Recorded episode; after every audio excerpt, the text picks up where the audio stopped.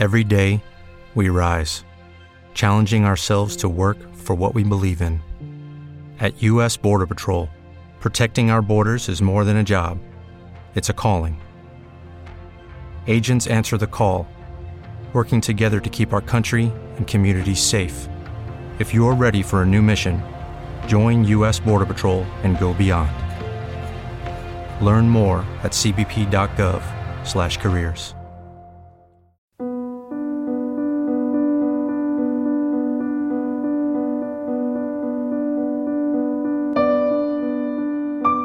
Santiago de Compostela, 12 de febreiro de 2040.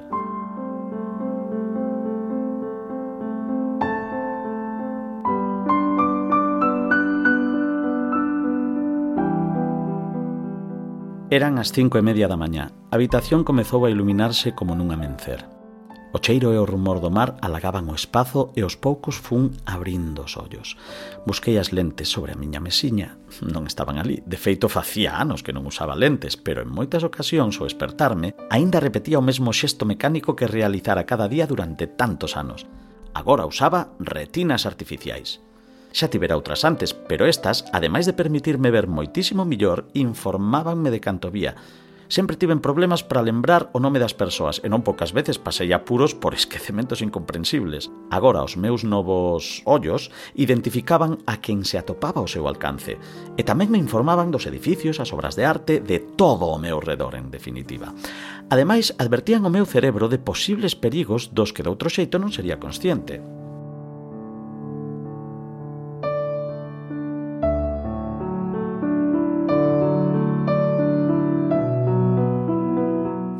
saín da habitación tratando de non facer ruido para non espertar a Maite e chamella a Pascual, o noso robot de servizo doméstico.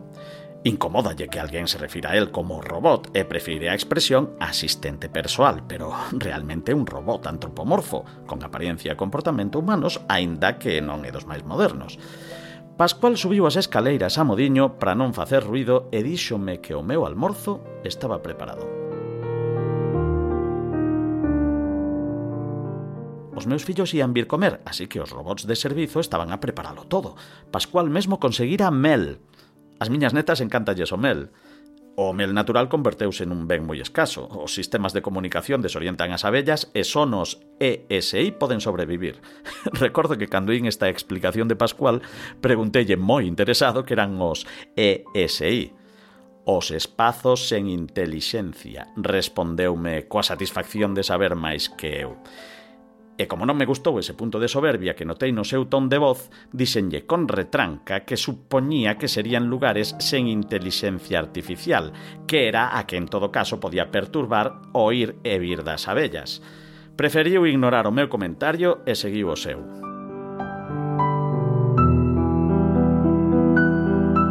Como vexo que non me estás poñendo moi boa cara, Pascual, eh, deixámolo por hoxe. Veña, corta a grabación.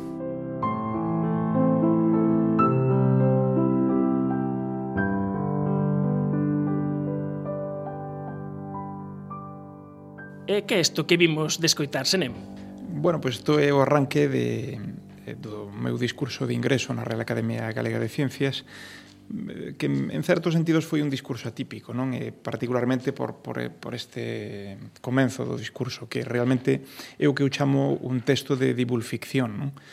E, é ficción, porque de algún modo eu me sitúo, son eu o protagonista, vamos, cando menos son o que relata digamos, a historia, e me sitúo pois eh, no ano 40, se non recordo mal, non? 2040. 2040, efectivamente. Entón, de algún modo vou narrando o comenzo dun día de, de ese ano donde me ergo, pois ando pola casa, veñen os meus fillos, veñen mm, cada un pois eh, ca súa parella eh, coas súas fillas. Todo isto é ficción, porque lóxicamente é un tempo que todavía non ocorriu, está por vir. Mm pero mm, digo que é divulficción porque de algún modo o que trato é de in, insertando eh, nesa visión do ano 2040 como vai a ser o mundo en ese momento non?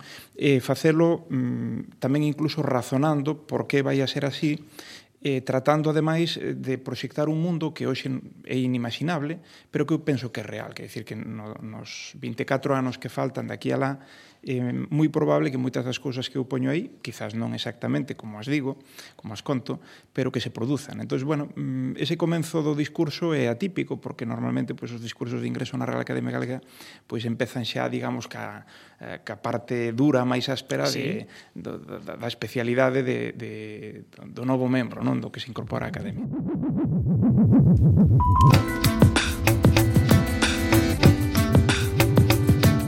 Senén Barro, catedrático de Ciencia da Computación e Inteligencia Artificial da Universidade de Santiago. Boas tardes e grazas por achegarte aos nosos estudos. É un placer estar aquí.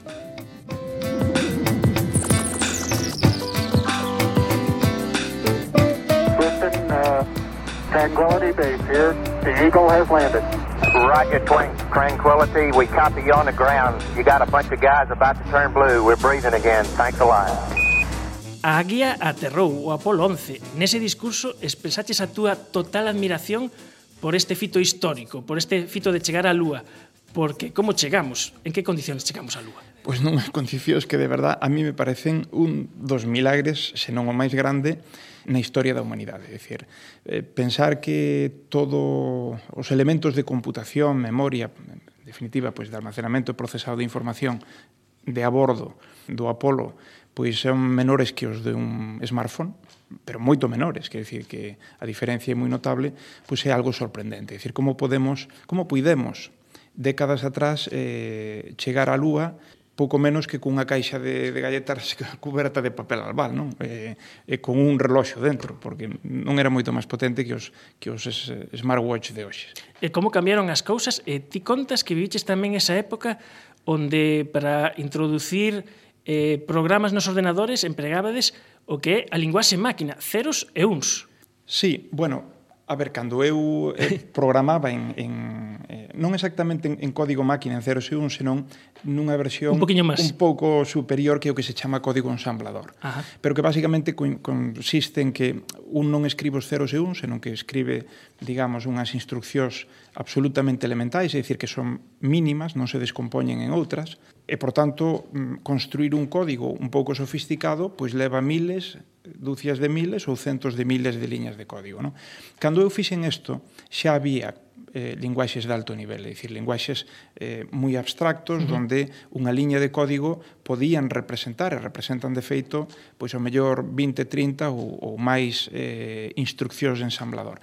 Pero é certo eh, que como parte do proceso de formación e sobre todo como parte do proceso de programación directa de, dos microprocesadores que usábamos entonces, é dicir, un microprocesador é algo así como o cerebro, uh -huh. non a, o, o chip eh, fundamental ou central eh, de un computador. Pois en aquel momento, como parte desa instrucción e como parte de programación desos elementos, pois aprendín a programar, eh, o cal ten unha parte moi interesante e realmente útil, pero sufrín tamén a programación en ensamblador, porque era tremendamente engorrosa, tediosa e, vamos, era o de, de nunca acabar, non? E como aprenden as máquinas? Aprenden como a nós ou aprenden de forma diferente? Aprenden como o neno pequeno ou teñen que aprender de outro xeito? Bueno, hai moitas eh, técnicas de, de, do que se chama aprendizaxe en máquina, non moitas formas. Hai nas eh, pois, basadas en, en no que se chama o, o aprendizaxe supervisado, é dicir, mm, hai un, un ao final isto sempre hai un código detrás, é dicir, hai un, un programa uh -huh. que foi diseñado precisamente para procesar unha información e a través da información que procesa, pois ás veces facer un proceso, digamos, de abstracción, de de, de sacar en limpo eh, a información que está, eh, digamos, oculta neses datos que ten que, que procesar e sobre os que ten que aprender. Entón, as técnicas son moi diversas. Por, por darnos unha idea, eh, hai algunhas mm, que se basan no que se chama aprendizaxe supervisado, é dicir, nos damos exemplos do que debe aprender a máquina, eh, sería algo parecido a como cando a un neno uh -huh. lle enseñamos un can e lle dicimos este é un can, Entón, o neno ve aquelo, asocia a palabra can co, con ese animal, eh, despois enseñamos outro que ten unhas características distintas, é un pouco máis pequeno, eh, outra cor, pero máis ou menos eh, comparte co anterior unha serie de elementos comuns, catro patas, un rabo, eh, unha fisonomía máis ou menos eh, semellante, etc. Entón, cando a un neno llevamos enseñando varios cans de forma eh, distinta, eh, o, o sea, distintos entre sí, o neno vai facendo un proceso, digamos, como se fora de, de extracción das características comuns que ao final son as que para el se identifican co concepto de can e podemos enseñarlle un can que nunca viu é capaz de identificar. O mellor non sabe explicar o que é un can, pero sabe dicirse unha cousa é un can é unha silla. Exactamente, sabe asociarlle esa etiqueta ou ese nome, esa palabra, can, a, a un animal eh, que de algún modo a base de exemplos aprendeu a identificar como tal. E non ten que ser ningún dos que viu no pasado. As máquinas tamén son capaces de facer isto, de facer eso adecuadamente programadas, é dicir, son capaces de facer procesos de extracción de similitudes, de categorización do que é parecido e procesos de discriminación con outros conxuntos ou categorías de elementos que son claramente distintos. En este caso se consigue que eh, neste caso a máquina faga unha cousa que non lle escribiches antes, que faga unha cousa nova. Claro, o aprendizaxe sempre é eso, é dicir, é que a máquina acaba incorporando unha información que non tiña codificada previamente. Evidentemente, a forma na que incorpora esa información, a forma na que aprende, si sí está eh, proxectada no código, pero non o que aprende e, por tanto, non o que, en definitiva, acaba usando no futuro pois para tomar decisións, para actuar, para moverse nun entorno, en caso de que se xa unha máquina móvil, é dicir, un robot con, con autonomía. Non? Aboa, moi boas tardes. Hola, boas tardes. Hola. Somos o único programa do mundo que temos en nómina, e espero que por moito tempo, a, a señora Aboa do científico máis grande de todos os tempos. Sí, sí, e ademais eu uh, estou aquí un pouco polo que dicía meu neto, eh, que unha cousa se entende ben, se entende a miña boa. Toma. Aí está, aí está, aquí a temos. Se, antes que nada, disculparme, eh, porque xa que este programa, bueno, disculparme, non, como este programa vai sobre inteligencia artificial, hoxe a xente escoitarame un pouco estrana, pero que viñen en forma de smartphone, Moi ben. De feito, a pregunta, eu non sei se, se isto é a boa ou é un robot que fai da boa de Einstein. Non sei se isto... Imolo, imolo comprobar. Imolo comprobar coas preguntas. Pode ser, pode ser. Mira, eh, eu veño dende o Alén, eh? eh, entón ali temos agora un inquilino, bueno, xa temos desde fai tempo, que se chama Marvin Minsky, supoño que coñecerás, non? Sí, tristemente falecido hai moi pouco tempo, sí. Sí, sí, e nos ten eh, a todos en tan, en tan pouco tempo nos ten a todos revolucionados. Ainda non deixa de rirse cando conta que a Lapo, la década dos 50, lle encargou a un alumno un sinxelo traballo, di el, sinxelo, eh, de fin de curso de crear un sistema capaz de describir unha escena de vídeo. Ou seja, que hubo épocas nas que os da inteligencia artificial xa daquela estaban que se saían, non? Bueno, eh, as máquinas hoxe eh, fan moito mellor que nós certo tipo de, de tarefas, por exemplo, as que están moi pautadas, as que de algún modo son eh, fáciles de describir como un conxunto de pasos por moi longos que sexan. Poñamos, por exemplo, xogar a calquera cousa. Uh -huh. Oxe, os computadores son imbatibles en calquera tipo de xogo ou en procesos de tratamento masivo de información.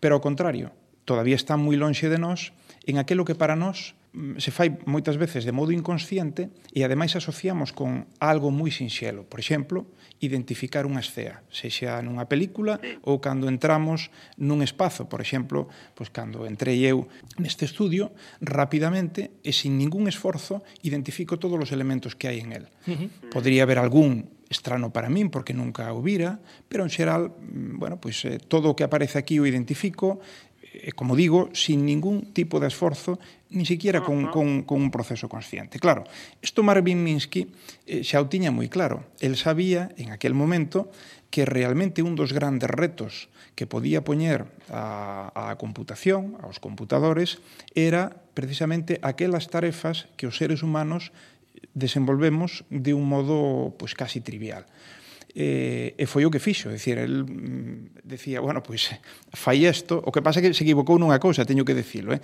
El sempre foi un home moi optimista por naturaleza, e pensou que, bueno, que con, con aqueles primeiros anos de inteligencia artificial que foron anos de enorme efervescencia, de, en fin, de, de un enorme optimismo, de pensar que os pequenos avances, pero que xa eran significativos, e sobre todo o avance nas tecnoloxías dos computadores, que era moi rápido, pois iba a permitir que moi poucos anos eh, pois, as máquinas de, de algún modo puderan ser comparables aos seres humanos en inteligencia e incluso resolver eh, todo tipo de, uh -huh. de tarefas ou problemas que os seres humanos resolvían. Entón, eh, non teño moi claro se Marvin, Marvin Minsky quería probar a este, a este rapaz, eh, quería facelo sufrir ou realmente estaba convencido de que iba a ser capaz de facer algo digno en uns poucos meses. Pero o que tiña moi claro Marvin Minsky é que lle estaba poñendo precisamente un desos retos que a inteligencia artificial antes ou despois tiña que, que acometer. Bueno, hai humanos que non superan o reto de estar ante unha obra de ficción como Otelo e pensar que iso é unha apoloxía da violencia de xénero, non? Por non falar dos monicreques, pero bueno, ese é outro tema. pero po, po, pode ser que por, por, por, por isto de convivir tanto cas máquinas que nos eh, que, que, que o perigo non sexa que as máquinas sexan inteligentes como os humanos, sino que os humanos cheguemos a ser tan tortos como as máquinas e eh, ter así ese tipo de reaccións así inmediatas ante, ante cousas e, e, e non, non metelas nun contexto, recontexto contextualizarlas, comparar, reflexionar, en definitiva. A ver, as máquinas evidentemente se hoxe comparamos a, a, a digamos a a máquina máis sofisticada desde o punto de vista da inteligencia artificial non é comparable a ningún ser humano, nin siquiera os, os menos eh, cultos ou mm. menos inteligentes que poidamos buscar. Evidentemente, globalmente non o é. Que ocorre? eh, conforme vayan, vaya pasando o tempo, veremos, iremos asistindo, xa estamos a facer, a como as máquinas van eh, sustituindo a moitas personas en máis e máis responsabilidades profesionais ou de outro tipo, non? A mí non me gustaría un mundo donde se xamos prescindibles, os seres humanos, quero dicir. Non, non me gusta ese mundo. Non, non me gusta en absoluto.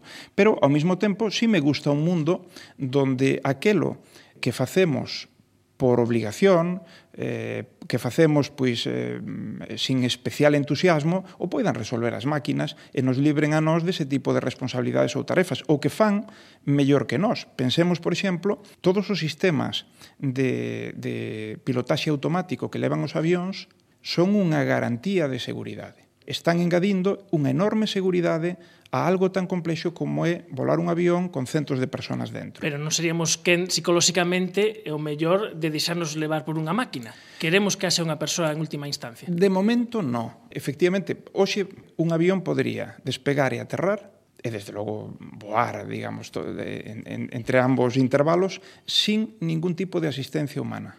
Eso tecnolóxicamente é absolutamente factible.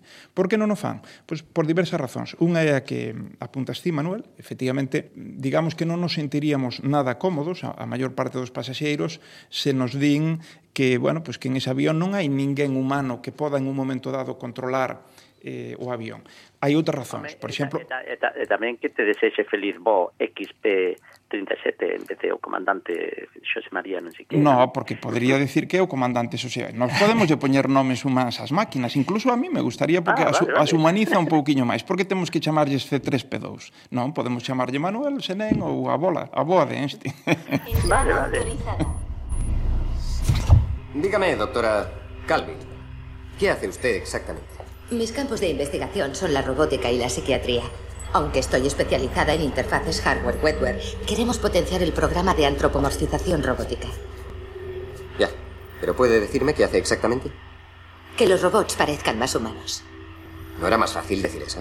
Xa convivimos cos robots e cada vez máis sí. eh, sabemos convivir cos robots. Sí, de momento convivimos pouco. Eh, esperade 10 ou 15 anos e veredes o que é convivir. Porque... Es que, por exemplo, están os, os coches que se conducen sós aí tam, xa hai dilemas de como deciden si o mellor nun caso dun accidente que vida salvan, que vida non salvan, hai uns cuestións éticas e o mellor o robot non lle perdoamos o que lle perdoamos unha persoa, non sei como isto. Pois sí, probablemente. Efectivamente, de feito isto ben ao fío do que iba a acabar de dicir no caso dos, dos pilotos automáticos Ajá. dos avións, non? Que aí eh, as outras razóns eh, que, que pesan para que todavía isto non se automatice ao 100%, pois son cuestións como eso, como eh, cuestións éticas Eh, en caso de que, por exemplo, eh, exista un fallo, que os pode haber, claro está, eh, no piloto automático, que non exista ninguén humano que poda realmente pois, estar supervisando aquelo e tomar unha decisión, que mellor é peor, pero que en todo caso foi, en última instancia, unha decisión humana, plantexa moitos problemas éticos. Pero incluso hai problemas de, de coas compañías de seguros. É dicir, hoxe en día, eh, hai, mm, creo que un dos grandes problemas para que teñamos dentro de poucos anos coches completamente autónomos e quen se responsabiliza e en que cuantía as indemnizacións que se podan derivar de problemas con estos eh, automóviles autónomos. Non? Pero o que eu creo que non, non, non hai dúbida, se están ben diseñados, é que globalmente, outra cousa é o horror en tal ou cal situación e as implicacións que isto poda ter desde un, tipo, desde un punto de vista ético ou de calquer outro tipo. Pero globalmente, as máquinas salvan vidas. Globalmente, un sistema automatizado é un sistema máis seguro, máis fiable que un sistema que só se controla por intervención humana. Isto, mm, sobre todo, canto máis complexo é o proceso, isto é absolutamente innegable, é obxectivo. Non? Uh -huh. Mira, eh, con isto de sustituir os humanos teño aquí unha, unha cousa a ver que pode levantar un pouco de sarpullidos. Porque vin que fixestes unha aplicación para converter datos de predicións meteorolóxicas en predicións do home do tempo. Que pasa? Que queredes deixar no paro a todo Meteo Galicia? No. Esa é unha cosa que me preocupa moito, eh? Porque ademais agora con estes robots, eh, e xa os tivestes aí tía Manuel eh, falando un poquinho antes, podemos quedar no paro incluso as aboas de Einstein. Na, eu creo que as avoas de Einstein van a ser as últimas en caer, eh? Eso seguro.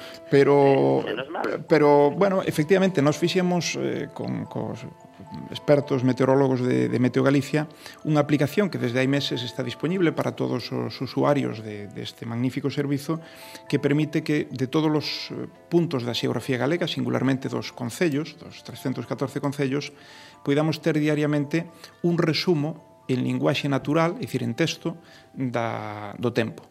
Ata agora isto mm, só era posible como un resumo único que facía todos os días un meteorólogo, e despois, lóxicamente, información eh, asociada ao que se chaman os meteoros, é dicir, os distintos símbolos que indican pois, desde eh, a dirección do vento, a, a cobertura do ceo, etc. Non? Bueno, nos neste caso temos que decir, eh, xa o dixemos máis veces que nos preguntaron, que aquí non sustituímos a ninguén, simplemente damos un servizo que sería imposible de dar porque necesitaría Meteo Galicia contratar a varios meteorólogos para que cada día redactasen todos estes textos se non o fixéramos nós de forma automatizada. Isto fai un software que desenvolvimos, efectivamente un software de inteligencia artificial, que eh, construe con unha calidade equivalente a un experto humano, un experto meteorólogo, estos textos para toda Galicia. Insisto, aquí non é sustituir, senón que é aportar Ampliar. algo a maiores, sí, pero estamos asistindo a procesos de sustitución de personas entre, nos traballos máis directos cada vez a máis alto nivel. É dicir, e eh, por falar do, do vosso campo, do campo do xornalismo, eh, no ano 2014, Associated Press, eh, unha das, das empresas máis importantes do mundo neste sector, adquiriu un, un software para a redacción automática de noticias eh, de ámbito económico Isto facían hasta ese momento os eh, expertos eh, xornalistas eh, no ámbito económico da empresa.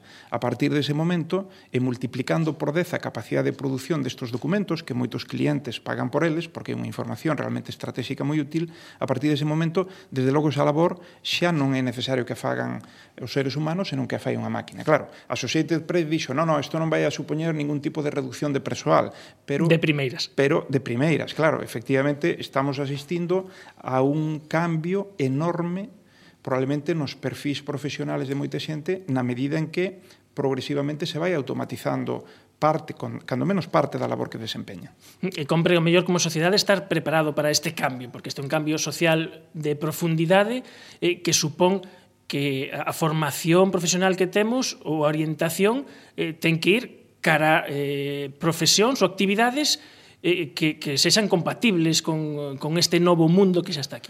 Claro, é dicir, no momento en que teñamos máquinas que son capaces de facer o noso traballo igual ou mellor, con máis fiabilidade ou de modo máis barato, está claro que o noso traballo peligra. Por tanto, este non, non é só un problema dos individuos, eu creo que é un problema colectivo. Este é un problema eh, das administracións públicas, é un problema do sector educativo, das universidades, donde temos que anticiparnos a eso. Dicir, temos que cambiar, probablemente, ou, ou reorientar parte eh, da dinámica de, de formación, pero tamén parte dos contidos, e, desde logo, incluso, en este caso, a quen lle corresponde eh, a, aos eh, poderes eh, políticos, ir pensando como nos eh, vamos axustando a este tipo de, de, de escenario. Non? Eh, chegará un momento donde eu estou convencido de que teremos que redistribuir o traballo de outro modo, teremos que ir cambiando o noso perfil productivo non só para xerar máis riqueza, senón incluso para xerar máis emprego. Uh -huh.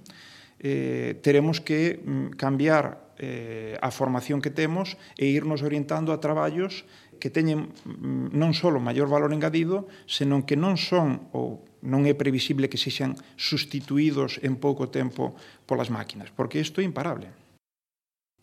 Outro día estive de visita nos sitios que, que onde traballas. E vi nunha parede que tiñades escrito a modo de grafiti un texto de von Neumann que di así con catro parámetros podo axustar un elefante e con cinco que mova a trompa. Que isto, unha adivinha? Ou que... Bueno, bueno é, é unha forma, non, sei en última instancia o que quere dicir von Neumann, pero é unha forma de decir que ao final eh, moitos dos, eh, digamos, dos, eh, dos elementos que nos rodean da vida que vivimos, da forma na que pensamos, de como actuamos nós e outros seres vivos, con un coñecimento suficiente do mecanismo que subxace a, a ese movimento, a ese comportamento, o vamos a poder reproducir e representar, ben simulando computacionalmente ou ben reproducindo incluso físicamente. E moitas veces cando decimos, no, é que unha máquina nunca será capaz de ter consciencia. Pois o que estamos dicindo en primeira instancia é non temos nin idea do que é eso, Desde logo, se non Hai te... un problema de definición. Claro, como, como non temos nin idea de como se sustancia a consciencia no cerebro, eh, Belisca e a Cenén, xa verás como te conciencia. no, o que Porque teño, eh, o que teño son un smartphone e non se queixa. No, o, o que teño son receptores da dor. Eh, ah, vale, vale. Claro. Entón, se non sabemos o que por exemplo, eh, Rafael Justen, un español que está dirixindo o programa máis ambicioso que hai en estes momentos sobre estudio do cerebro, un programa que se chama BRAIN en Estados Unidos, este home di que unha vez que remate ese programa, que é un programa de centos ou miles de millóns de euros de inversión, unha vez que remate di que se daría por satisfeito simplemente con saber en última instancia o que é un pensamento.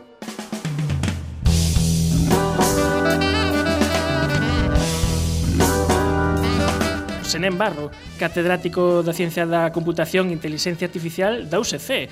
Moitas grazas por acompañarnos en Efervesciencia. Na, un placer e metedes a vosa disposición cando queirades, claro. Veña, adeus. Adeus, eh, amor. Sí, sí, adeus. Non estaba pensando eu isto de ter de compañeira de piso a boa de Einstein. Pode ser unha cousa tan divertida como desesperante. definitivamente non é unha máquina, eh? Non. Bo final.